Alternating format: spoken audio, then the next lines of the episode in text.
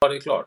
Det Intressant att höra hur de jobbar och ja, sitta ja. och spåna och diskutera så, tänker jag tänka mig också. Ja, ja, ja. Jätte, jätteintressant och mycket man kan ta med sig när man sitter ja. och snackar. Så det blir mer avslappnat på något sätt. Ja. Man får ju inte bara höra de bra sidorna, man får ju höra det andra också. Liksom. Ja, men det är man en föredragning så drar man gärna det som bara är bra. Liksom.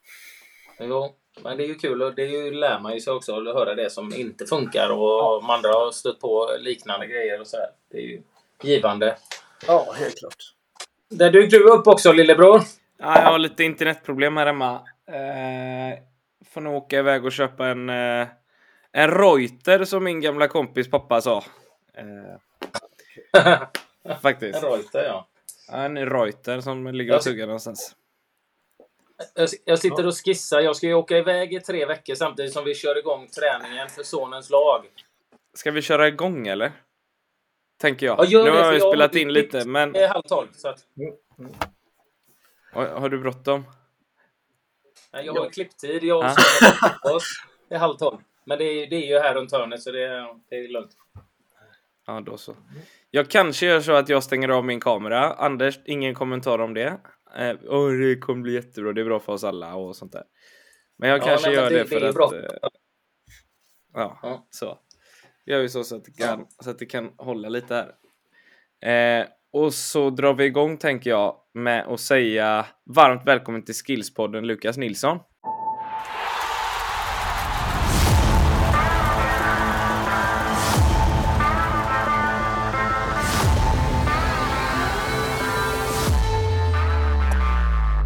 Tackar, tackar. Kul att vara med. Mycket roligt. Jättekul att ha det här. Riktigt kul. Har ni träffats innan ni två eller?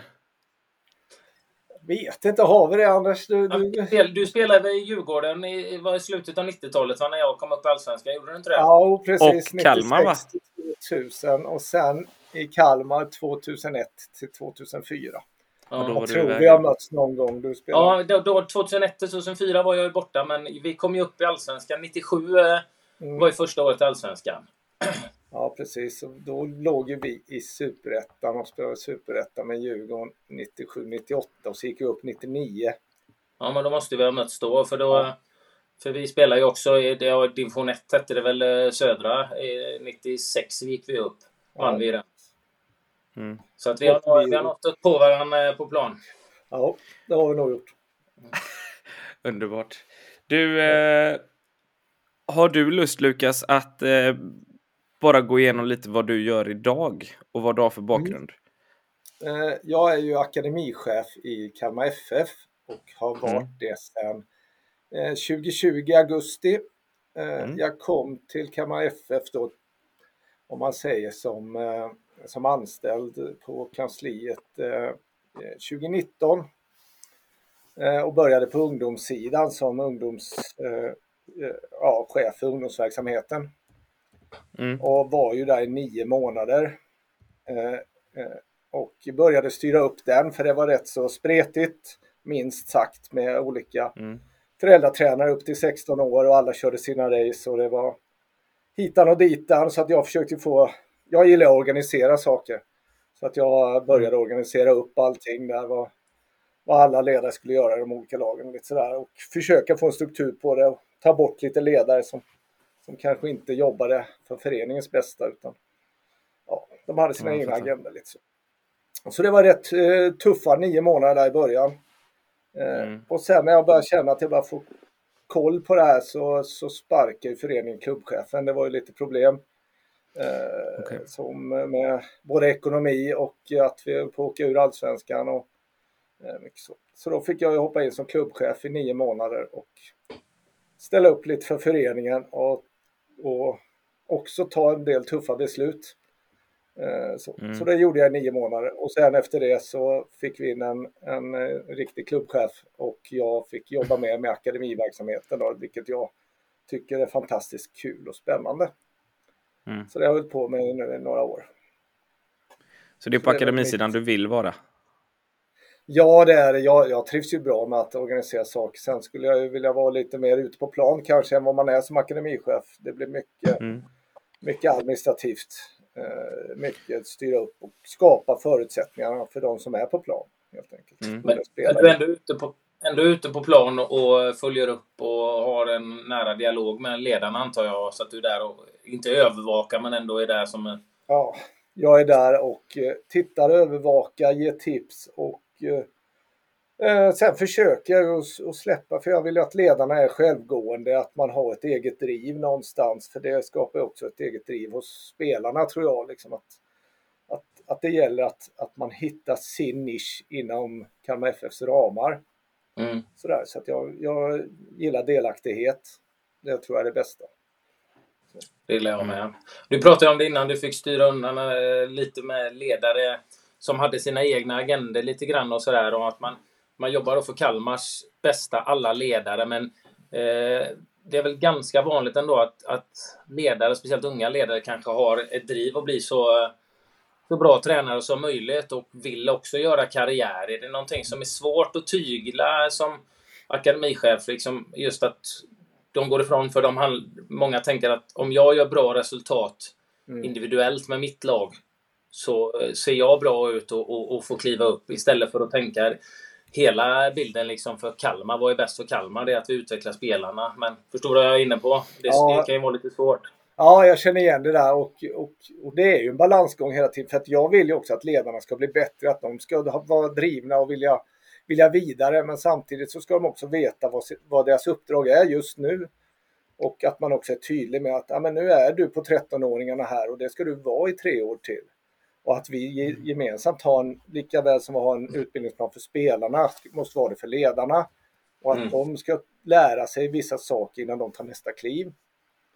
Och sen har jag ledare som, de är bäst med 13-åringar. De måste bara inse det, liksom att det här mm. är det bästa för liksom, din plats nu. Och sen om tre år så kanske du är bättre eller vill utvecklas eller gå någon annanstans eller göra något. Men men jag måste veta lite längre. Jag vill inte ta in en ledare som vill någon annanstans nästan när han skriver på ledaravtalet. Liksom, så vill han Nej. vidare.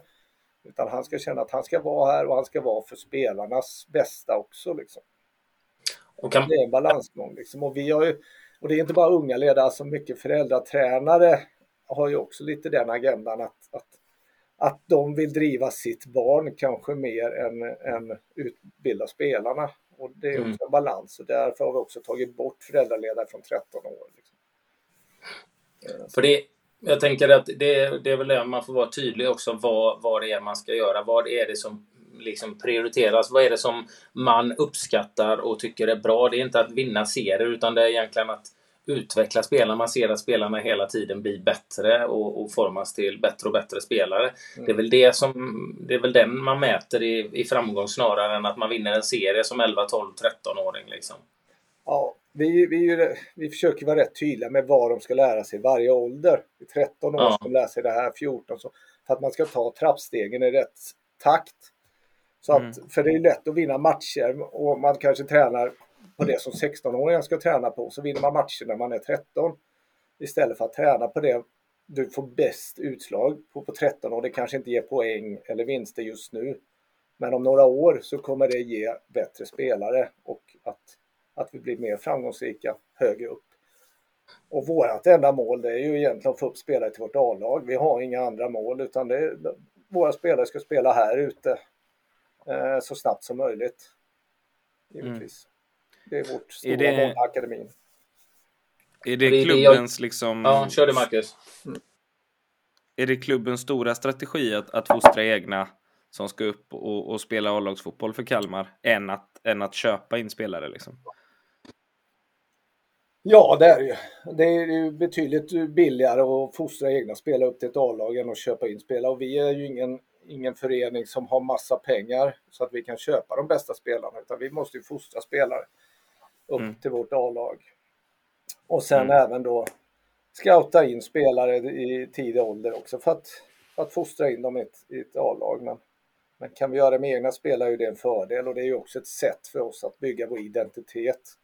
Någonstans mm. att vi är Kalmarregionens lag. Det finns ju inte så många allsvenska lag runt om här. Vilket, är, vilket vi ser som en fördel. Liksom, för att vi, då, då, då kan vi bygga vår kultur och vår miljö på ett bra sätt i ganska lugn miljö och mm. med, med långsiktighet. Hur, hur upplevde ni? Någonting som vi, man ser i, i Sverige mer och mer, vilket är en anledning till att vi har den här podden lite. Vi pratar lite, vi är lite oroliga om svensk fotbolls framtid. Och en sak som oroar mig är att jag, man får känslan ibland att uh, unga svenska spelare nästan vill vill lämna eh, och gå utomlands tidigare och yngre eh, än, eh, någonsin innan. Och, eh, en sak är ju pengarna som lockar naturligtvis och de eh, möjligheterna, resurserna som finns kanske ute i övriga Europa, men också det här att det som oroar mig är att de kanske, vissa känner att de kan få en bättre eh, utveckling och utbildning som spelare utomlands. Så att man har spelare som är 18-19 som har gått till belgiska andra ligan hellre än att spela i allsvenskan och sådär. Är det någonting som, som du, är det någonting ni märker i Kalmar eller vad går dina tankar när du ser det runt i, i Sverige? Liksom, alltså väldigt unga spelare som sticker tidigt för att... Uh, ja, men, men vi märker ju den konkurrensen också. Uh, så Eh, spelare här från trakten som är riktigt, riktigt talangfulla, då har ju, det är ju scouter runt om eh, som scoutar de här spelarna och de får ju erbjudande från europeiska akademier också. Så. Eh, sen, sen tror jag att man, det, det, ska mycket till för att man flyttar en 15-åring eh, utomlands. Liksom. Men jag förstår ju det när jag åker ut. Jag är ju på studiebesök i de här klubbarna och ser ju de förutsättningarna som finns där. Mm. Det, det, det, är ju stor skillnad mot vad vi kan erbjuda här. Liksom vi, vi har inte ens en inomhushall i, i Kalmar, liksom, vilket vi försöker att skapa nu. Då. Mm. Och sen åker man till PSV och de här, om man ser de, de anläggningar som finns så förstår man ju eh, de spelarna som väljer de alternativen. Givetvis. Tror jag inte att det är det bästa för spelarna. Det, jag har svårt, jag svårt att se det som 15-16-åring att man är redo och mogen att flytta med all den press som det innebär. Jag, man ser man de som har gjort det så är det väldigt få mm. som, har, som har lyckats. Liksom. Det måste ju vara otroligt. Jag själv personligen hade aldrig klarat det som var så hemmakär. Jag hade inte varit mentalt redo vid 15-16 och sticka utomlands, det kan jag säga. Nej, och, och jag tror konkurrensen är ju otroligt tuff där. Kommer man till Kalmar som är en liten förening, du, du får vänner direkt, du får en skola mm. som du kan cykla till och du får den här närheten plus att du får väldigt bra skolning och träning. Mm. Eh, du kan gå ner hit. Ja, de är ju här själva både jul och nyår och tränar på våran plan. Det är inga problem. Så, så vi, vi har väldigt bra förutsättningar för, mm. Eh, för unga spelare som, som vi plockar hit i och med att vi ger dem allt i princip. Så, att, så att vi, jag tycker att vi har en väldigt bra möjlighet att fostra spelare till vårt A-lag och samtidigt också få ut dem. Mm. Du säger att eh, ni är ju egentligen den enda allsvenska och ja, den enda elitklubben kanske i, i närområdet och det geografiska området. Hur, hur ser liksom samarbetet ut med breddföreningarna runt om? Det kan ju, eh, vara, det, det kan ju se lite olika ut.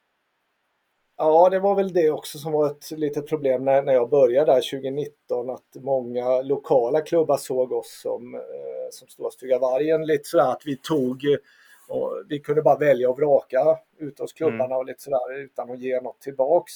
Det var väl den bilden som man hade. Jag jobbade på mm. kommun innan så jag träffade ju många av klubbarna innan. Liksom.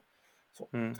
Men, men, jag tycker att med, med det, det, sättet vi jobbar idag och som vi kommer att jobba framöver så, så, så blir mer och mer de lokala klubbarna positiva till oss.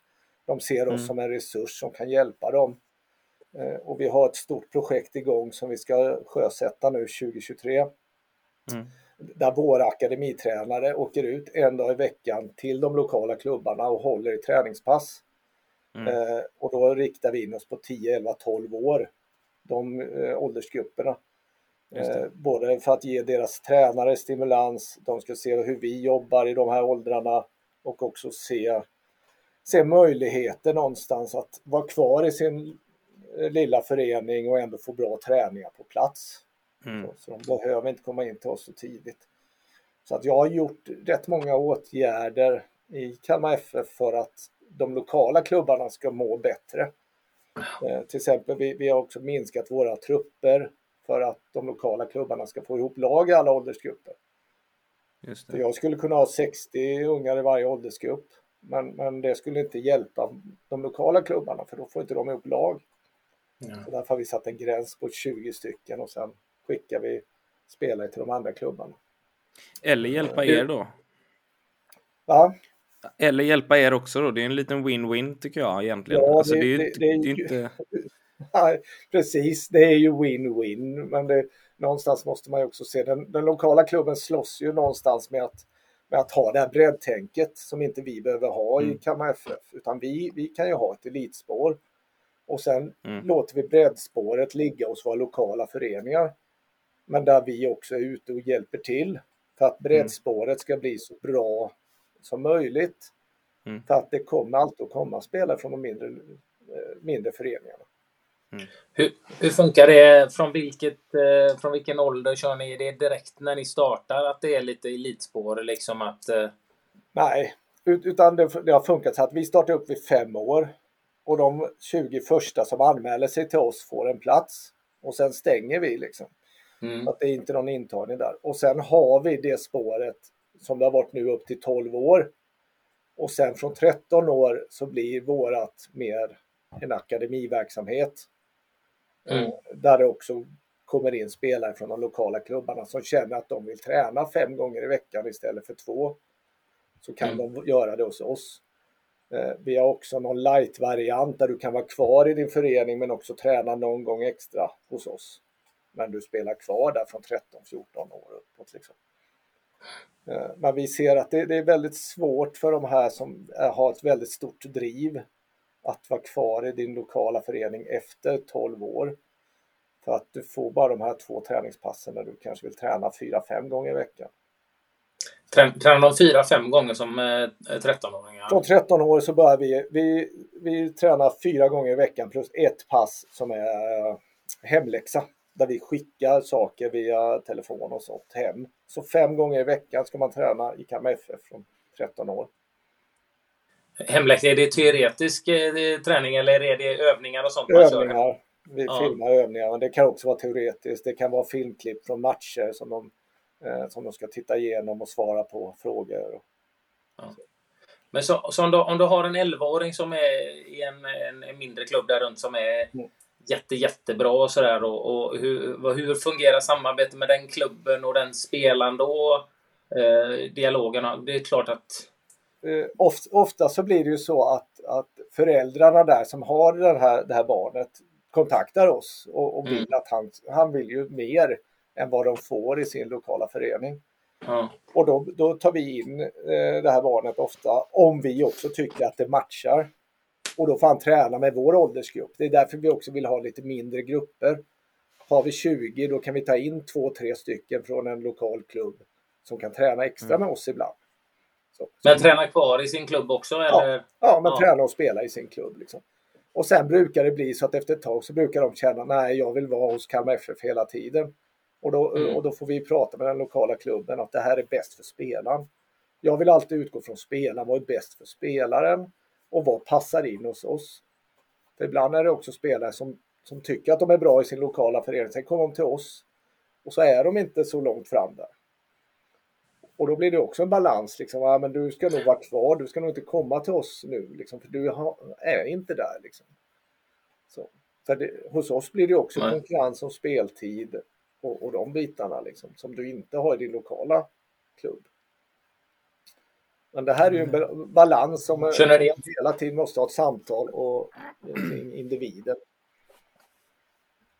Jag tycker ju det här är, det är uppfriskande att höra just det här med, för jag, med kommunikation och, och, att man samarbetar. Det är så otroligt viktigt att man har den dialogen. Det, eh, jag fattar ju att om du har en, en 13-åring, 12-13-åring som är superdriven och inte kan få det möta det behovet i den klubben där den är och så vidare. Men att man ändå har en dialog. Jag ju, tränar ju själv en breddförening i Göteborg där och här finns det ju visserligen eh, fler elitklubbar liksom. Men mm. där är det ju där är det ju mer rävspel liksom. Där handlar det om att vara först och, och, och nypa spelare liksom. Så där är ju klubbar liksom, eh, storklubbar i Göteborg som har varit, kontaktar ju spelare själva liksom, hör inte av sig till klubben utan försöker ringa till föräldrar och spelare själva för att locka över liksom under 13 år. Eh, Och då blir det ju tvärtom. De, breddföreningarna blir ju liksom de blir ju anti den klubben när det, istället för att ha en bra dialog. Och man vill ju på något sätt skapa bra relationer antar jag. Det är ju otroligt viktigt på det långa perspektivet. Så att, eh, det är ju kul att höra att ni jobbar på det, jobbar på det sättet. Ja, ja men det försöker jag. Det var ju också någonting som var när, när jag kom in var ju att, att våra ledare själv rekryterade in spelare till sina lag för de vill ha ett slagkraftigt lag och lite så. Mm. Eh, nu är det så att allt ska gå via mig och jag tar alltid kontakt med föreningen först innan och pratar mm. om den här spelaren och vad som kan vara aktuellt. Och det blir rätt mycket olika samtal och mycket dialoger. Men, men det är värt i slutändan för att, för att vi, vi vill också ha en bra relation. Det är ju de andra föreningarna som också kommer till våra matcher och vill se vårt lag spela fotboll. Vårt A-lag. Och vi måste vara rädda om vår publik och, och hela, hela trakten. Så vi, vi måste vara ett föredöme på alla sätt.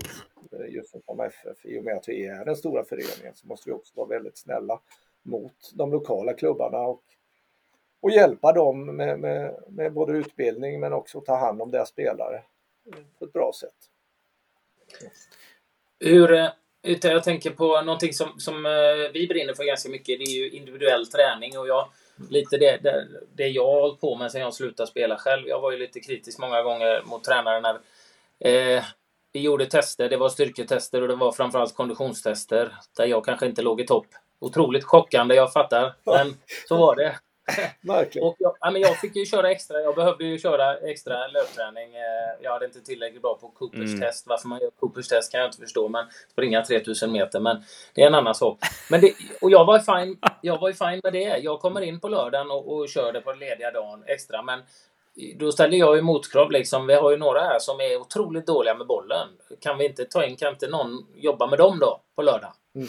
Men det var ju ganska enkelt att stå med en visselpipa och en klocka och så skulle vi springa som vi inte kunde springa. Ja. Men det var ingen som... Den individuella utvecklingen just med teknik och spelförståelse och sånt där var ju ganska svårt och även under, under, under lagträningarna som man hade många lagträningar så var det ju svårt att kunna bryta ner och jobba med varje individ hade ju olika behov.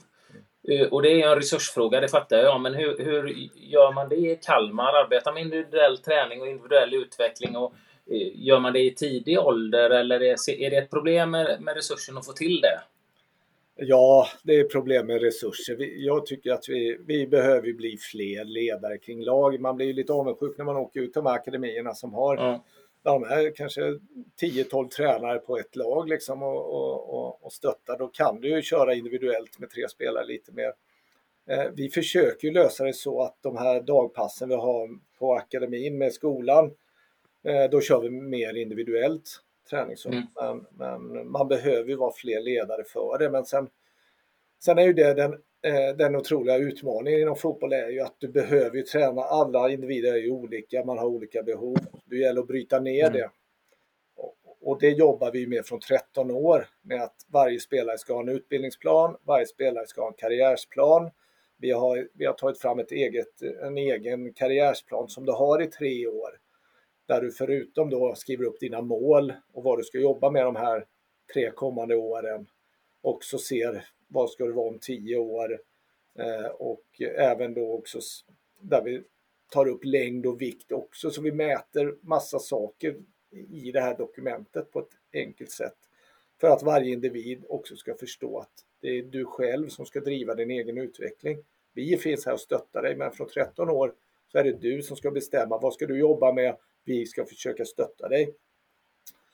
För, för, för jag tror ju väldigt mycket på att ha, har du en egen drivkraft så kommer du ta dig fram. Sen om det tar 5, 10 eller 15 år spelar inte så stor roll. Utan, men du måste själv driva din egen utveckling. Och det försöker vi så tidigt som möjligt få in eh, på våra spelare. Eh, för att också få ett beteende i tidig ålder som gör att du blir framgångsrik. Och då är det inte att bara jämföra dig med din kompis utan det gäller att jämföra dig med dig själv och ta din, dina steg i din takt. Mm. Så, så, vi jobbar mycket med, med individuella samtal och eh, försöker bryta ner det till individuell träning också. Så. Vad är, vad är syftet med att mäta längd och vikt? Ja, men det, det är ju också att, att växer du för mycket så kan ju de här fem passen i veckan vara för mycket. För att du växer, du blir skör i vissa delar Och då, mm. då behöver vi också titta på det. Så att ja, men då mm. kanske du bara ska träna två gånger fotboll i veckan. Sen kan du ju träna annat givetvis. Vet du, du kan mm. träna mentalt eller någonting. Men du kanske inte ska vara på plan fem dagar i veckan om du har växt 5-6 centimeter på, på en och en halv månad. Liksom. Jag tror att en sån mm. sak är viktig att lyfta för ja. att jag tror att ni är säkert duktiga på att kommunicera det med spelarna som är hos er. Men de som lyssnar på den här podden kanske vissa drar öronen bakåt lite när man hör en sån sak för att man inte, det är lite som det är när man tog bort eh, tabeller och sånt Anders, att man, att man ser på det på fel sätt. Men, men eh, då tror jag att alla förstår att eh, varför ni mäter längd och vikt. Eh, ja. Det är för att ta hand om spelaren. Ja, och för att ta lite koll på, på vad som händer. Va? Och vissa kan tycka att det, det, kan vara känsliga uppgifter men samtidigt är det ett sätt för oss att, att, att kunna, eh, kunna variera belastningen och också förstå spelarna också. För att mellan 13 mm. till 15 år händer ju otroligt mycket i en spelares karriär. Och, och, och, det kan vara 3-4 månader när de inte ens ska träna överhuvudtaget för de har slatter eller deras, eh, alltså vissa saker i kroppen händer. Liksom. Eh, mm. Och, och, det är ju samma mentalt också, att ibland kan de vara väldigt, väldigt trötta på fotbollen. Då, då kanske man ska ta en paus för att inte tappa den här spelaren helt. Mm. Eh, och då är de här individuella samtalen jätteviktiga också. Eh, liksom för att få koll på varje individ. Mm. Och jag, du är inne på det innan också. Det, viktiga, det viktigaste är ju egentligen det inre drivet liksom hos tränaren, hos spelarna själva. Vad man vill med sin, sin fotboll. Och Eh, jag vet ju, jag vet inte hur det är i Kalmar och sådär. Det är väl framförallt i Stockholm där det är ganska eh, utbrett och stort eh, med det här med individuell träning utanför klubben. Mm. Eh, jag vet inte om det är någonting som du upplever i, i Kalmar, eh, att man söker upp. Det finns ju väldigt många individuella aktörer mm. i Stockholm framförallt. Vilket eh, de som är väldigt drivna, de, de vill ju gärna träna extra och, och, och liksom hitta saker att jobba på. Men det har ju också blivit ett problem i Stockholm där, där klubbarna inte har någon koll på till exempel belastning som du är inne på där. Man behöver ha koll på spelaren och det är ingen kommunikation mellan de här individuella aktörerna och, eh, och klubbarna och ledarna, vilket är för mig skrämmande. Man inte har det om man nu jobbar som individuell aktör som, som vi gör då till exempel att så det känns A och O att ha en dialog med, med den föreningen en spelare kommer från. Om den ska träna extra, vad ligger den i belastning, vad behöver den jobba på och så vidare. Eh, men jag vet inte om det problemet är så stort utanför Stockholm just. Det är väl mest där man har hört. Är det någonting, någonting du har koll på i Kalmar att eh, folk jobbar med andra aktörer utanför för att, för att träna extra? Ja, vi, vi har väl två, tre eh, kanske tränare som kör mer individuellt. Så jag vet ju att några av våra spelare har eh, individuella tränare som de kör extra med. Liksom. Eh, så länge det inte påverkar oss så tycker jag inte att det är något problem. Det viktigaste tycker jag är ju att spelaren själv känner av vad som är rätt för den. Eh, och, och, och där har vi, vi försöker alltid ha dialog med spelaren eh, för att inte gå via föräldrar eller gå via någon eh, individuell tränare utan att vi går via spelaren. Och att spelaren är ärlig mot oss också. Att jag tränar mm. så här mycket vid sidan om. Ja, men då ska du nog tänka på det här. Liksom, så att vi vi försöker alltid gå via spelaren från 13 års ålder uppåt. Mm. Så är ju spelaren den vi riktar in oss på hela tiden eh, och sätter honom i centrum. Men, eh, men i, för att bli riktigt bra så måste du träna individuellt också. Det är jag helt mm. eh, liksom, du kan inte tro att dina träningar med laget kommer räcka någonstans. Jag var ju själv en sån spelare som, eh, eller jag utvecklades ju väldigt sent. Jag la av med fotboll när jag var 16, började igen när jag var 18. Så att jag hade ju två år när jag inte höll på med fotboll alls. Och sen när jag var 18 så bestämde jag mig, ja, men nu ska jag se hur bra jag kan bli. Och så satte mm. jag en femårsplan. Mm. Och så ska jag göra någonting varje dag som gör mig lite, lite bättre. Och sen så bara körde jag varje dag och tränade stenhårt. Eh, och det är också ett sätt att, att bli väldigt bra. Men jag tror att den här tiden när du bestämmer dig är rätt viktig kan du få spela och bestämma så att jag ska se hur bra jag kan bli redan när han är 13-14 så har han ju en fördel. Ja. Jag blev ju först allsvensk spelare när jag var 22-23 vilket är otroligt sent. Men det var ju för att jag bestämde mig vid 18 år. Mm. Sen vet jag det är också viktigt. Men jag bestämde mig tidigare. Det vet man aldrig. Du får aldrig svar på det. Nej, men, men det är också viktigt att påpeka att det går. Ja. ja jag, var, jag var 21 eh, år när jag, eh, det, det året eh, jag gjorde debut i Allsvenskan. Så att, det är, inte, det är något, år, något år tidigare liksom, så att det, det, är ju, det är ju inte sent. Men nu är ju folk får ju panik om de har fyllt 20 och inte liksom... Precis. Det, det, man, man utvecklas ju väldigt olika liksom. Ja. Så, så är det ju. Ja, men jag är 17 år. De här aktörerna ni har i, i Kalmar, ja. jobbar de med fotbollsträning eller är det mer fys? Nej, det är fotboll mycket på plan liksom. Det, det är väl det som är...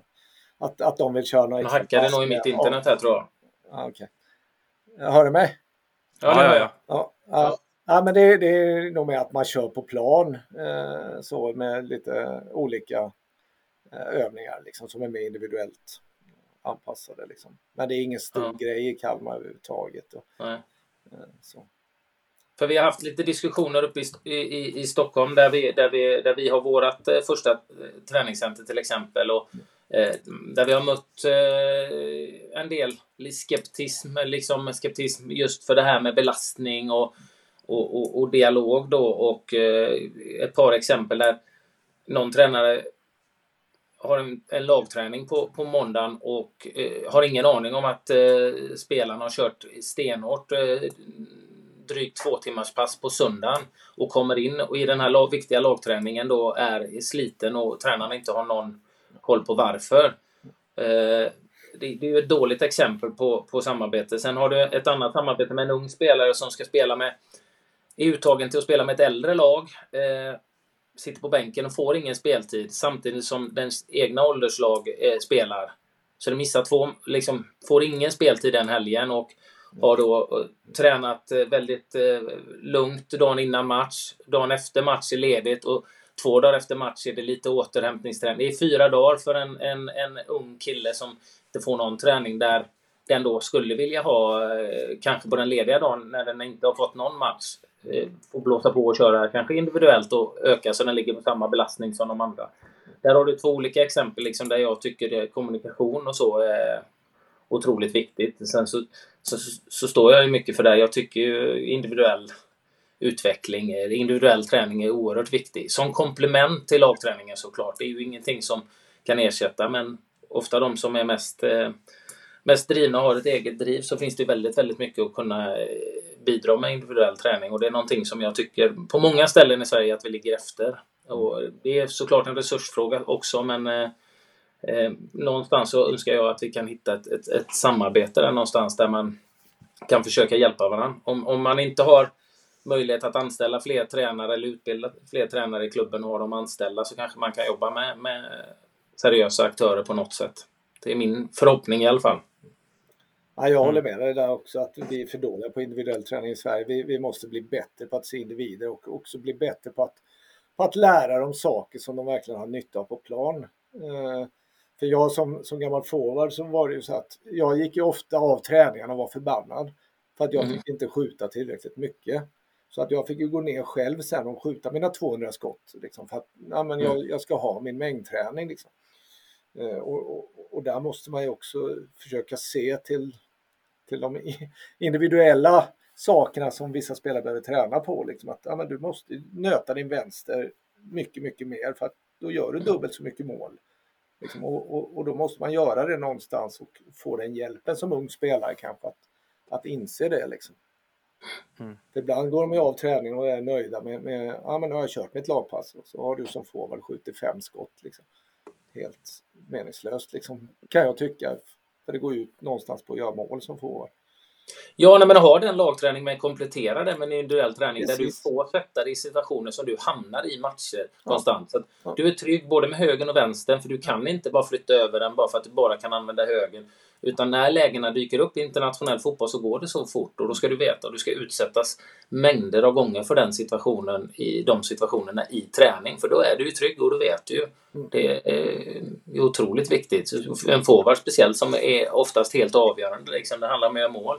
Det är bara att titta på eh, Tyvärr, nu blir Marcus glad, mitt kära Liverpool. David Nunes skulle behöva köra lite extra träning. Eh, Då hade han ju satt några baljor igår.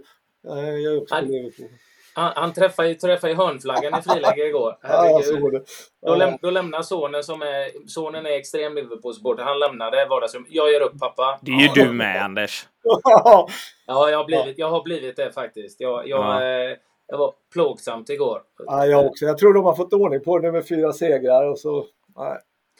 Nej, bedrövligt. Sen får de ju sluta överskatta de här unga egna produkterna kan jag tycka emellanåt. Där lyfter fram dem. Jag, jag tycker, de, de, så bra är de inte. Så tuff, tuff säsong som de har haft så kanske de ska spela med bästa laget för att komma upp på lite säkrare mark. Men eh, mm. Marcus håller på Arsenal så han är väldigt, yeah. glad. Och det ska vara. De spelar väldigt bra. Marcus, jag eh, lyfter på hatten. Yngsta laget i Premier League också. De kör individuell träning och avslutar. Ja, det gör de faktiskt. Det tror jag inte det var. De är hos oss hela tiden. Ja. Nej, det är faktiskt roligt. Ja. Ehm, Brentford är tuffa, Anders. Det, det, är inte, det är inte lätt alltid. Men nu pratar vi, nu pratar vi om Kalmar. Ja, ja det gör vi. Det gör vi. Men du Lukas, vad, eh, vi har varit inne lite på hur vi ser på svensk fotboll och dess utveckling eh, de senaste åren och, och lite och vi hör ju att du stämmer in i körsången om vad vi vill se för lite av förbättring framöver i form av individuellt fokus och sådär. Och ni jobbar ju redan lite så i Kalmar, men vad, vad anser du? Hur, hur, tycker du att Sverige står sig? Du har varit ute hos de, de akademierna ute i Europa mycket och besökt och sådär. Om man bortser mm. liksom från resurser som vi fattar är den största pucken lite grann, men är det någonting annat du känner att det här kan vi göra utan att skicka på massa, massa miljoner i varje jag. Tycker att vi, jag, jag, tycker att vi gör Ja, men jag tycker att vi gör rätt mycket rätt bra i Sverige faktiskt ändå med de knappa resurser vi har. Det, det, man, det, det jag önskar mer det är ju kanske att få ett bättre samverkan med, med skola och få hela den biten, alltså hela miljön kring våra unga spelare bättre.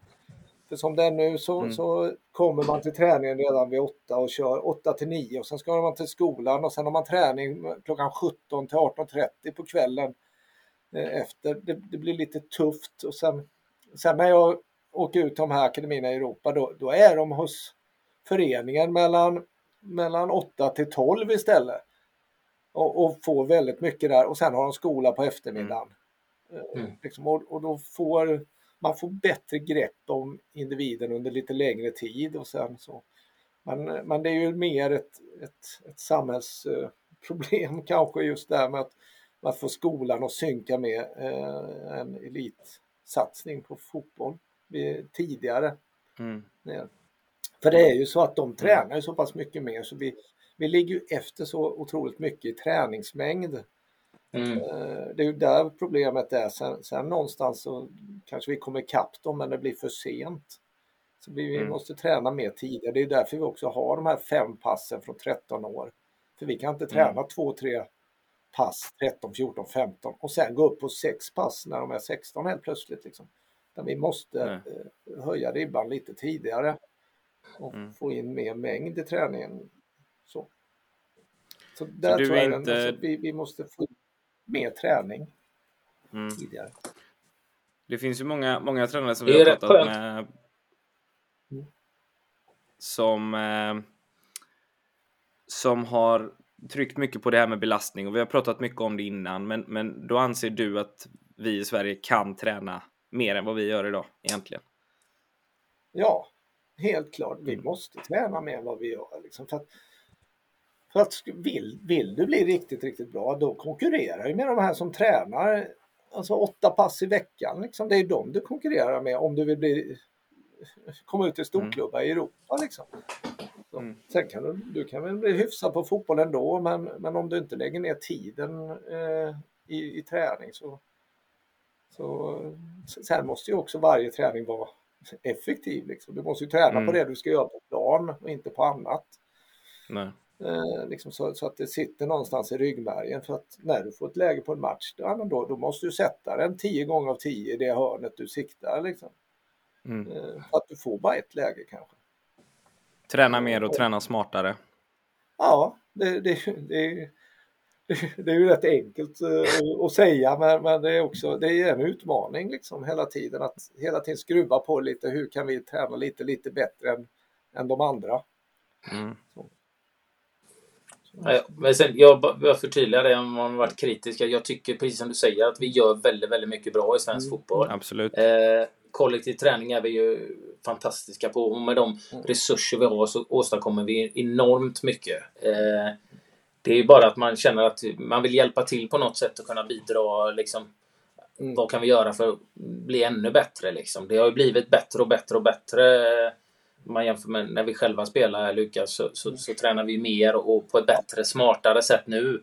Eh, men det finns känns som vi kan göra ännu mer. Liksom. Och man vill gärna hjälpa till. Mm. Sen är det ju en resursfråga. Så svensk fotboll, gör, det, vi gör väldigt, väldigt mycket bra. Det ska vi inte glömma. Men eh, man brinner ju för det. Att vi, det finns saker som vi skulle kunna göra bättre. Som du säger, samarbete med skolor till exempel. För att göra möjlighet att, att träna mer individuell träning. Eh, som, som jag ser som, som en viktig sak och skulle vi också kunna göra bättre. Eh, men vi får inte glömma det att vi gör väldigt mycket bra i, i, i svensk fotboll i, i, hela, i hela landet. Så att, eh, vi får inte liksom... Det är inte meningen att vara överkritisk och säga att svensk fotboll nej, nej, nej. är skit. Utan det finns, vi gör väldigt, väldigt mycket bra. Det ska vara klart för oss också. Absolut. Precis, men det finns ju alltid saker man, man kan skruva på och göra bättre. Och, och, och, en sak tycker jag, och det är ju det som vi kommer igång med nu, att, att vi eh, allsvenska klubbar måste ta lite mer större ansvar för utbildning även i klubbar runt omkring oss. Så mm. att vi i Kalmar här, vi tar hand om klubbarna inom några mils radie härifrån och hjälper dem med, med både hur de ska träna i, i, i, olika åldrar och, och även då utbilda deras ledare. Mm. Eh, för att ju fler spelare någonstans vi kan utbilda, ju bättre är det för svensk fotboll. Och ju bättre blir nivåerna även på de lägre mm. serierna under allsvenskan. Liksom. Och det höjer ju också nivån i svensk fotboll. Liksom. Och det, ty det tycker jag du är inne på någonting, för det är ju en, mm både för de klubbarna som att det blir ju en enorm boost att komma ut och, och, och eh, ledare från en storklubb som Kalmar kommer ut och, och eh, utbildar och hjälper de ledarna i breddklubbarna. Men det är också det sänder ju rätt bra signaler till de spelarna och de ledarna som är i den klubben. Liksom. Eh, här kommer en från Kalmar, en ledare, de bryr sig om oss. Och då får man ju också rätt höga och bra tankar om, om er som förening. Samtidigt som ni eh, samarbetar hjälper de här ledarna som många är föräldrar som kanske inte har någon vidare träning eller utbildning. Liksom, som kan få, få en utbildning och få tips och råd av. Och då höjer du nivån där såklart. Mm. Det tycker jag är otroligt eh, smart och, och fint. Mm.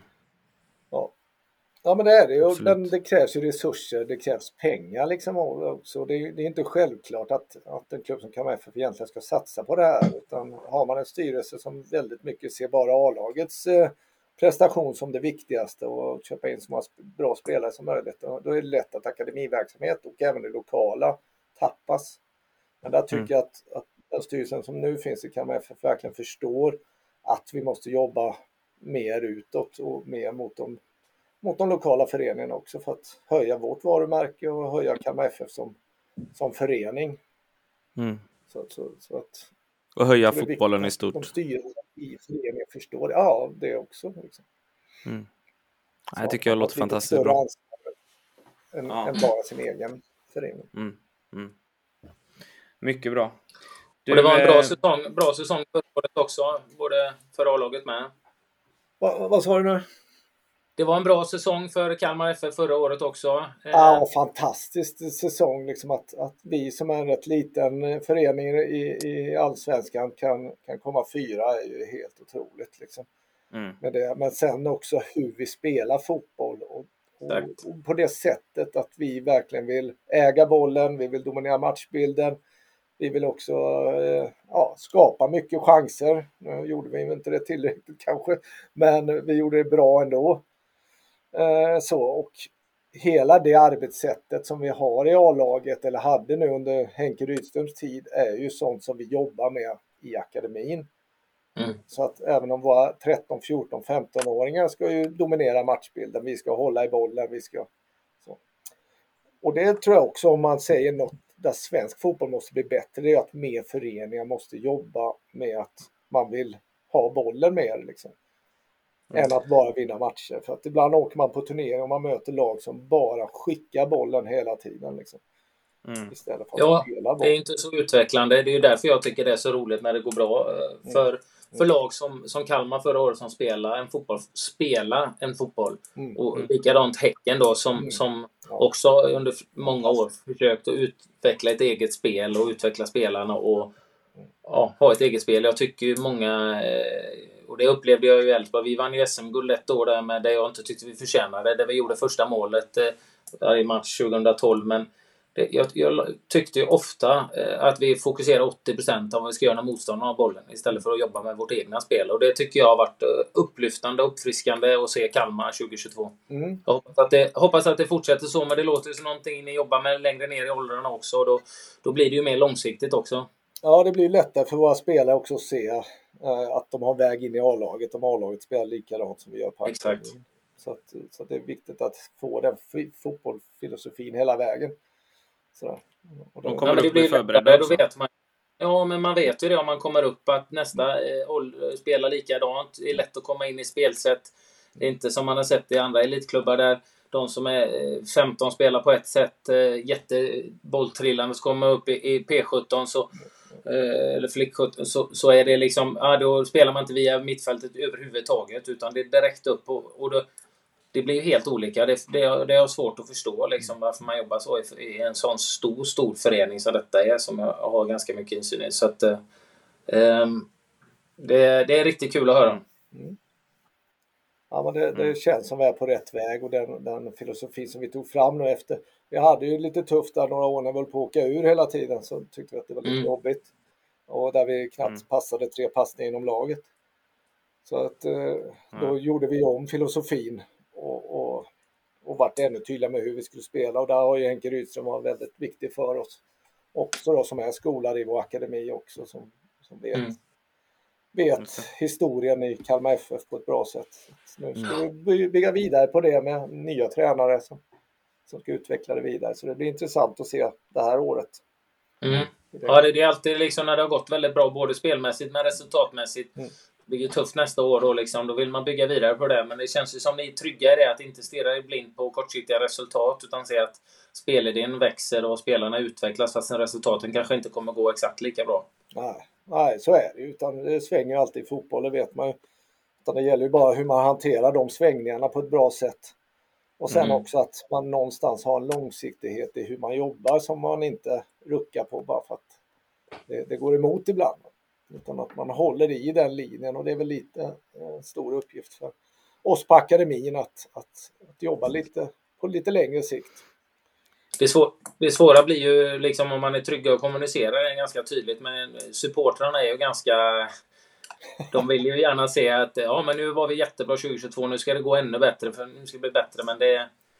det verkligheten är ofta annorlunda där. Liksom att de har tålamod och förståelse att man jobbar långsiktigt. Liksom, och det blir ett bra år, så blir det ett lite mer sämre år och så kanske nästa år mm bli ännu bättre liksom. Men att man verkligen bygger för någonting, att man har förståelse för det. Det, det upplevde jag lite grann i Elfsborg när vi höll på att bygga någonting stort. Att gick det jättebra så gick det sämre säsongen efter. Då var det kaos och skulle alla sparka, tränare sparkas och det skulle bytas och det här håller inte. Men, men supportrarna har lite svårare att tänka långsiktigt. Ja, mm. ja men så är det ju. Liksom, det var ju lite som vi hade 2019 där, där ekonomin var så att vi fick ju skära hälften på akademin ungefär för att vi hade så dålig ekonomi. Vi höll ju på att gå i konkurs nästan. Eh, på grund av att vi hade satsat alldeles för tufft eh, och köpt spelare vi inte hade råd med egentligen. Eh, så. Mm. Och, och, då fick ju akademin, halverades ju akademins förutsättningar i princip. Och det är sånt vi fortfarande lider lite av att vi inte får mm. spelare är ju för att vi hade har haft rätt jobbigt ett tag. Nu är vi tillbaks och kan satsa på akademin igen på ett bra sätt. Mm, så att det, det ger oss förutsättningar för att få fram ännu mer unga spelare till vårt A-lag. Mm. Så, så mm. det är spännande. Spännande ja, resa vi har framför oss tror jag. Ja, mm. verkligen. Verkligen. Du Anders, vill du, vill du komma in på din, eh, på din stående fråga som, ett litet, eh, som en liten avslutande så? Jaha, ja, alltså, den här frågan, du säger varje gång att eh, vi ska lägga ner den frågan och sen så... Det är bara för att du ska vara på tårna. Jaha, okej. Okay. Mm. Ja, vi kan ta nu det... Kanske byter, nu kanske jag byter ut den i och för sig bara för att jag har erkänt min strategi. Ja. Eh, ja, Lukas, nu, nu är inte du ute på, på eh, plan så, kanske så mycket längre, men eh, min stående fråga är ganska enkel. Du vet kvadraten, rektangel, rondo eh, som kan göras. Mm. Fråga är helt sonika. Är du för eller emot den som övning? Eh, jag är ju för den. Jag tycker det är en bra övning. Eh, det viktiga är ju syftet med den. Är bra. Ja, men syftet, alltså att du, att du någonstans alltid har ett syfte med de övningarna du gör och i övningarna så ska ju beteendena vara sådana som de är på plan när du spelar match. Har du ett beteende i en kvadrat där, där du står och lojar lite så är det ju lätt att du inte får med dig det beteendet in på plan. Eh, så jag, jag, vill ju alltid ha intensitet i övningar, att eh, tappar du bollen, ta tillbaka den så fort du kan, alltså jobba med det du gör i de principerna. Men det, det, och då är de här övningarna bra. Eh, jag gillar ju också när man tar in småmål i övningarna också så att det blir någon form av riktning, att du ska skapa någonting i de här rondorna. Så då mm. blir det lite intressant också och spelarna tycker om att göra mål oftast. Även om det kan ja, göra en tunnel också så är det ju också mm. att göra mål. Att, och att du kan få flera olika effekter i de här, de här övningarna. Så att, så att jag gillar dem och, och tycker att det är viktigt. Och vi vill ju ha bollen i Kalmar FF. Mm. Eh, men jag tror många svenska tränare, i alla fall äldre generationer, såg det som eh, mer någonting som spelarna tyckte var roligt att latcha med. Typ som gris liksom. Ja, det var ett sätt att få ut oss tidigare på plan. Att vi hade ja, alltså, lite kvadrater innan träningen. Och då satt de inte ja. kvar i omklädningsrummet utan då gick de ut istället. Precis. Fan, var ni så lättlurade? Ja, alltså? syfte är alltid bra att ha. Ja, vi var så lättlurade. Vi, vi, det var inte svårt att lura ut oss. Liksom. Ja. Det... Sa man att det var kvadrat där ute och så då gick man ut tidigare. Ja. Nej, men det är en för jävla bra övning. Men den ska, det är precis som du säger, syftet, intensiteten, hur man gör den. Det, det, den kan ju göras på väldigt lojt sätt och då är den, den har den inte alls samma värde såklart. Men gör man den på korrekt sätt så finns det ju alla moment. Just det där om man vill vara ett bollförande, bolltryckt lag liksom och, och spela på rätt fot och, och liksom få spelförståelse, sam, samhandling tillsammans. Så att, eh, jag tycker det finns så många moment i en ganska rolig och enkel övning att sätta upp om man bara gör den rätt. Mm. Ja, jag håller med dig. Mm. Ja. Vilket bra avsnitt det blev, Marcus. uh, ja, var inte någon upprepning alls från dig. Uh, så det kändes kanon. Ja, det var bra att vi fick med lite blött, eller? Ja, det var jätteskönt att du var med, Lukas. Ja, jag hoppas det. Jag hoppas mm. det ger något också till svensk fotboll ja, det någonstans. Det, det, det som är det intressanta, Lukas, är att alla tycker inte samma heller, utan det är intressant att bara bolla liksom. För bollar man med, med folk som tycker olika, det är inte så att jag eller Marcus liksom har något facit, utan vi är intresserade jo. av att skapa en diskussion. Vi i fotbollssverige göra för att göra svensk fotboll ännu bättre? Det är ju det som är så intressant att höra mm. personer som jobbar liksom som du gör med, med det engagemanget och höra andra och, och då lär vi oss och folk lyssnar på podden så kanske det är folk, för vi har väldigt många som uppskattar podden som, som sitter i breddföreningar runt omkring med, med problem just mm med många olika problem som vi adresserar i podden och, och de uppskattar ju det. De får mycket tips och, och tankar från eh, ledare som är med. Så att, eh, på något sätt så hoppas jag att vi tillsammans tar upp diskussionen och diskuterar, vågar diskutera så, så hjälper vi svensk fotboll eh, framåt. Det är det, det vi hoppas på. Så det, vi är mm. väldigt glada att du eh, tog dig tid att vara med. Och det ska ja, bli väldigt ja, intressant att följa dig och Kalmar framöver. Där. Jag hoppas ja att ni får en eh, ännu mer framgångsrik eh, säsong 2023. Ja, jag hoppas det med. Så du förstår. Och ni är ja. välkomna hit när ni vill. Det är bara att höra av er. Det har varit intressant. Så, så att ni är alltid välkomna hit. Det är bara att slå med en signal. Så, det uppskattar vi verkligen. Det har varit jättekul att komma och titta på er verksamhet, hur ni jobbar. Ja. Verkligen. Ni är varmt välkomna till Kalmar. Det är aldrig någon som vill åka hit. jo! För det, går, det går alltid att säga det när man är ute så här, för spela. Ja, det kan komma och provträna. Ja, kom bara. För det är ingen som orkar komma till oss ändå. Vi ligger i världens ände. Liksom. Ja, Underbart. Tack så mycket för idag gubbar. Ja, tack så mycket. Trevligt. Stort tack Lukas. Ha det bra nu. Lycka till framöver. Ja, detsamma. Hej.